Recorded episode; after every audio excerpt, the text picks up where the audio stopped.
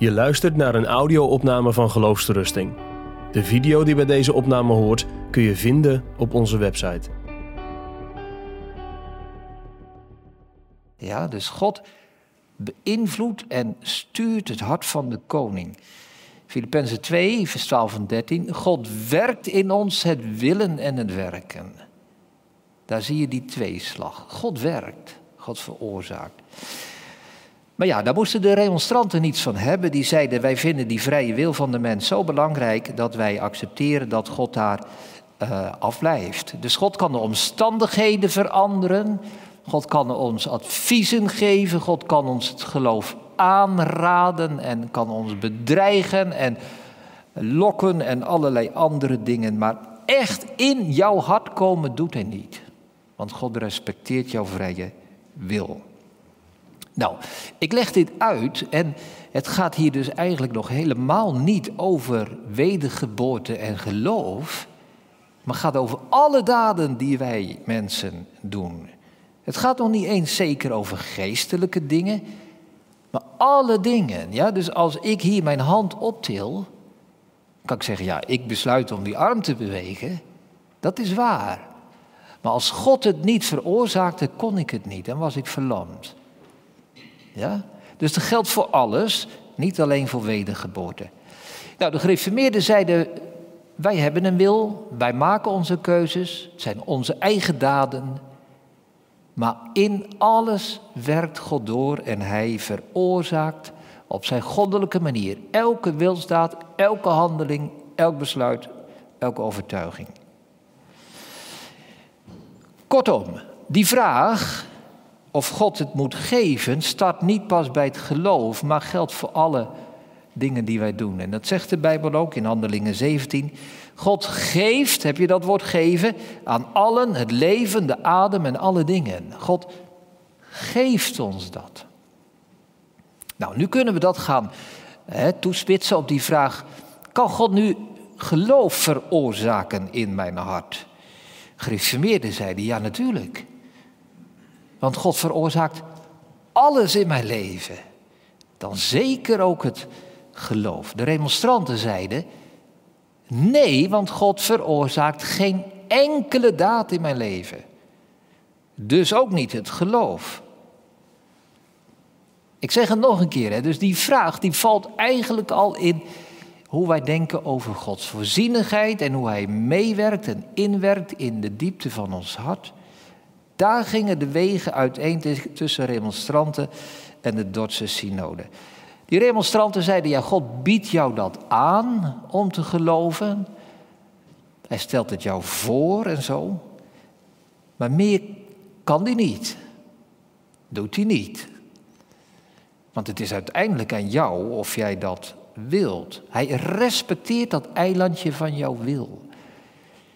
Maar de gereformeerden zeiden, God veroorzaakt alles, dus ook het geloof. Hij laat die wil intact, het blijft onze daad en tegelijkertijd, God doet het. De Dotse leerregels, hoofdstuk 3, 4, 14. Daar staat het zo, het geloof is daarom een gave van God, niet omdat het door God aan de vrije wil van de mens wordt aangeboden, maar omdat het de mens daadwerkelijk wordt meegedeeld. Ja? Dus ze zeggen niet gewoon, God biedt het geloof aan en dan laat hij het verder aan jou over. Kijk, nu kunnen we wel zeggen, en dat moeten we ook zeggen, dat als ik, als ik het heb over een simpele beweging als mijn arm, hè, daar, daar is Gods invloed voor nodig. En als het gaat om de daad van geloven, daar is veel meer van Gods werkzaamheid en invloed voor nodig. Daar ben ik het onmiddellijk mee eens. In dat voorbeeld van die bedelaar. God moet hem eerst een hand geven voordat de bedelaar überhaupt ooit iets zal aannemen. En toch, en toch, die structuur is hetzelfde. Nou, als God nu het geloof geeft, Efeze 2, hè, als hij dat veroorzaakt, geeft hij dan het geloof als een ding of geeft hij het geloof als een daad? We hebben het nu toe alleen nog maar gehad over daden van het geloof.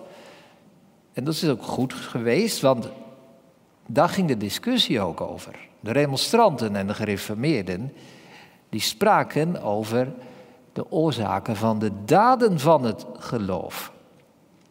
Nou, als je dat je realiseert, ik vond dat zelf ook wel weer een verrassing. Op de Dotse synode ging het helemaal niet over het geloof als een soort ding dat van binnen in mij moet gegeven worden. Een soort nieuw orgaan of een nieuwe emotie of een nieuw wat dan ook. Nee. En de remonstranten en de gereformeerden gingen het hebben over de daden van het geloof. Daar moet het over gaan. Dat vonden ze allemaal. Die bedelaar kan wel een hand gekregen hebben. Maar als hij hem niet gebruikt om het te aanvaarden, is hij nog even arm als altijd. Ja? Dus we moeten die daad van het geloof centraal stellen. Daar waren ze het op de Dordtse synode echt allemaal over eens. En daar lag dus niet het verschil met de remonstranten. Nou, hoe komt het dan dat het tegenwoordig zo vaak wel die kant op gaat? Ja?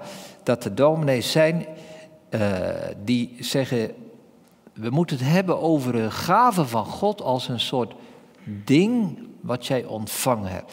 Ik denk dat het komt uit die angst voor het Arminianisme. Ja, pas op, dit is Arminiaans. Pas op, dit is remonstrans. Ja, en ik zou bijna zeggen, overdrijven verduidelijkt de zaak, denken veel mensen. Wat je ziet gebeuren is dat dominees zeggen, weet je wat, we stoppen gewoon over die daden van het geloof. Dat schrappen we gewoon. Het gaat niet om daden van het geloof, het gaat om het geloof in jouw innerste. Want die remonstranten hebben het altijd over die daden van het geloof. Je moet geloven. Maar wij gereformeerden, wij hebben het over het geloof dat jij van binnen ontvangt. We worden niet zalig, hoor je dan vaak, door te geloven, maar wij worden zalig door het geloof. Als jij het geloof maar van binnen hebt. Ja, en dan word je ook niet meer opgeroepen om te geloven. Die vraag, geloof je dat, wordt dan niet meer gesteld. En in plaats daarvan krijg je de vraag, heb jij het geloof ontvangen? Als iets wat van binnen zit. Nou, hier gaan dus wel veel dingen fout. Ik zal een paar dingen noemen. Ten eerste, dit helpt niet. Het is heel, heel, heel wrang eigenlijk. Maar deze benadering helpt niet tegen de remonstranten. Want daar gingen de remonstranten. Die hadden het daar niet over. Het sluit niet aan bij de discussie van toen. Ja? De discussie op Dort ging over de vraag of het geloof wordt aangeraden of veroorzaakt. En in beide gevallen werd bedoeld de daad van geloven. Dus het helpt niet tegen de remonstranten. Het is ook vervolgens niet het gereformeerde antwoord. Want wat ik zojuist heb gezegd, vind je echt niet in de Dordtse leerregels. En ook niet bij Gomarus en bij al die andere theologen uit die tijd. Ik heb er heel wat gelezen, maar dat vind je niet. Ja, dus je kunt wel zeggen, overdrijven verduidelijkt de zaak, maar dat is niet zo. Je bent de kern kwijt. Je bent hyper-Calvinist geworden. Je bent als het ware doorgeschoten. Nou, wat daarbij komt, dat is iets wat we denk ik wel herkennen uit je eigen leven of uit je omgeving. Wij, luisteraars, mensen in de kerk, wij begrijpen niet meer goed wat het geloof is. Je leest in de Bijbel, Abraham is gerechtvaardigd door het geloof. Je leest in Hebreeën 11, door het geloof. En je denkt, ja, maar wat, wat, wat is dat dan? Het geloof is een soort ding geworden. En je bent misschien wel op zoek of jij dat ding van binnen hebt. Maar als we dat nu eens lezen als daad, het geloven, dan wordt het veel duidelijker. Door te geloven is Abraham rechtvaardig geworden. Door te geloven hebben de gelovigen uit het Oude Testament vooruitgezien naar de dingen die komen zouden. Door te geloven hebben wij vrede met God. Nou, ik ga daar dus op dit punt, hè, straks in die tweede lezing, uitvoeriger in. Goed, zeg je, nou, eh, dat is prima, maar wat zegt de Bijbel? Hoe moeten wij de Bijbel daarover lezen? Hier geldt hetzelfde. Onthoud dit maar als de Bijbel de woorden het geloof gebruikt, wordt er eigenlijk altijd de daad van geloven, daadwerkelijk geloven bedoeld. Het geloof is in de Bijbel niet een soort ding dat in jou moet zijn. Geef maar een paar voorbeelden die dat uh, laten zien. Als God aan koning David de overwinning geeft, wat doet hij dan? De overwinning, is dat een soort ding wat God in het hart van David werkt? Nee, natuurlijk niet. God geeft aan David de overwinning, betekent God veroorzaakt dat David overwint. Ja? Nog een voorbeeld. God geeft vergeving. Geeft God dan iets van binnen, een ding? Nee, hij verandert de relatie. Er staat in 1 Korinthe 7 dat het huwelijk een gave van God is. Is een huwelijk dan een ding van binnen in je hart? Nee, het is een relatie met iemand. Christus zelf is Gods gave. De Heilige Geest is Gods gave. Dat zijn geen dingen, dat zijn Dus als God het geloof geeft, geeft hij niet een ding, hij geeft, hij veroorzaakt dat ik geloof, dat ik vertrouw. Dus zo spreekt de Bijbel. Johannes 6, vers 29, daar zegt Jezus, dit is het werk van God dat u gelooft. Dat werkt God.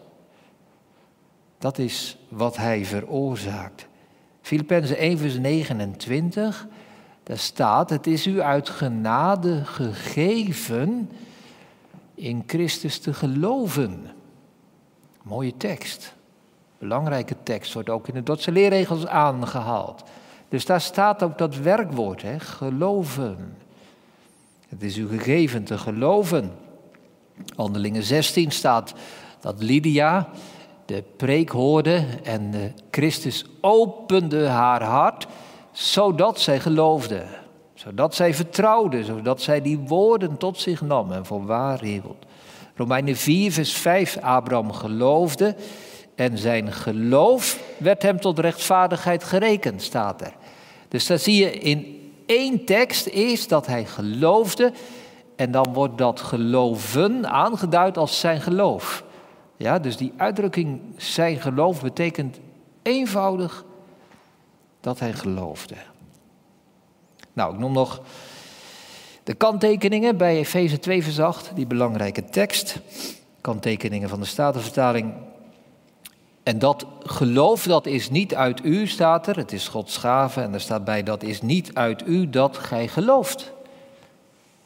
Dus ook de kanttekeningen zeggen eenvoudig, het geloof in die tekst betekent te geloven. Dus niet een soort geloofsvermogen, maar het is de daad waarmee ik God vertrouw.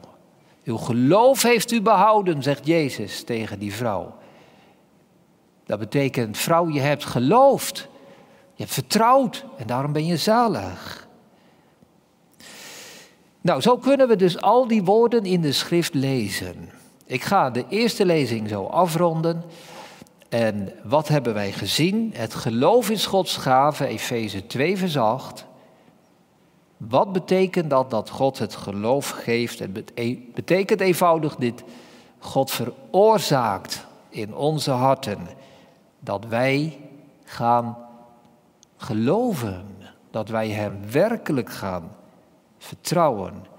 Dus in die tekst, Efeze 2, vers 8, maar ook in alle andere Bijbelteksten waar het geloof wordt genoemd, moet je niet denken aan een ding, aan iets van binnen waarnaar je op zoek moet gaan.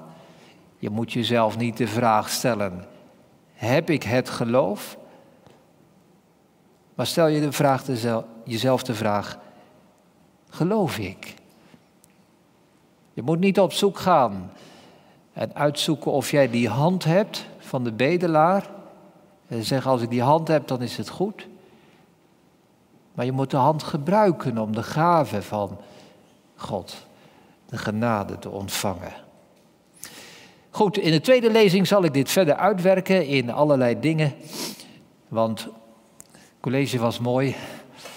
Maar we gaan verder voor de praktijk van ons leven, waarin we hopelijk kunnen leven door het geloof. Je luistert naar een podcast van Geloofsterusting. Wil je meer luisteren, lezen of bekijken? Steun dan ons werk en ga naar de website geloofsterusting.nl.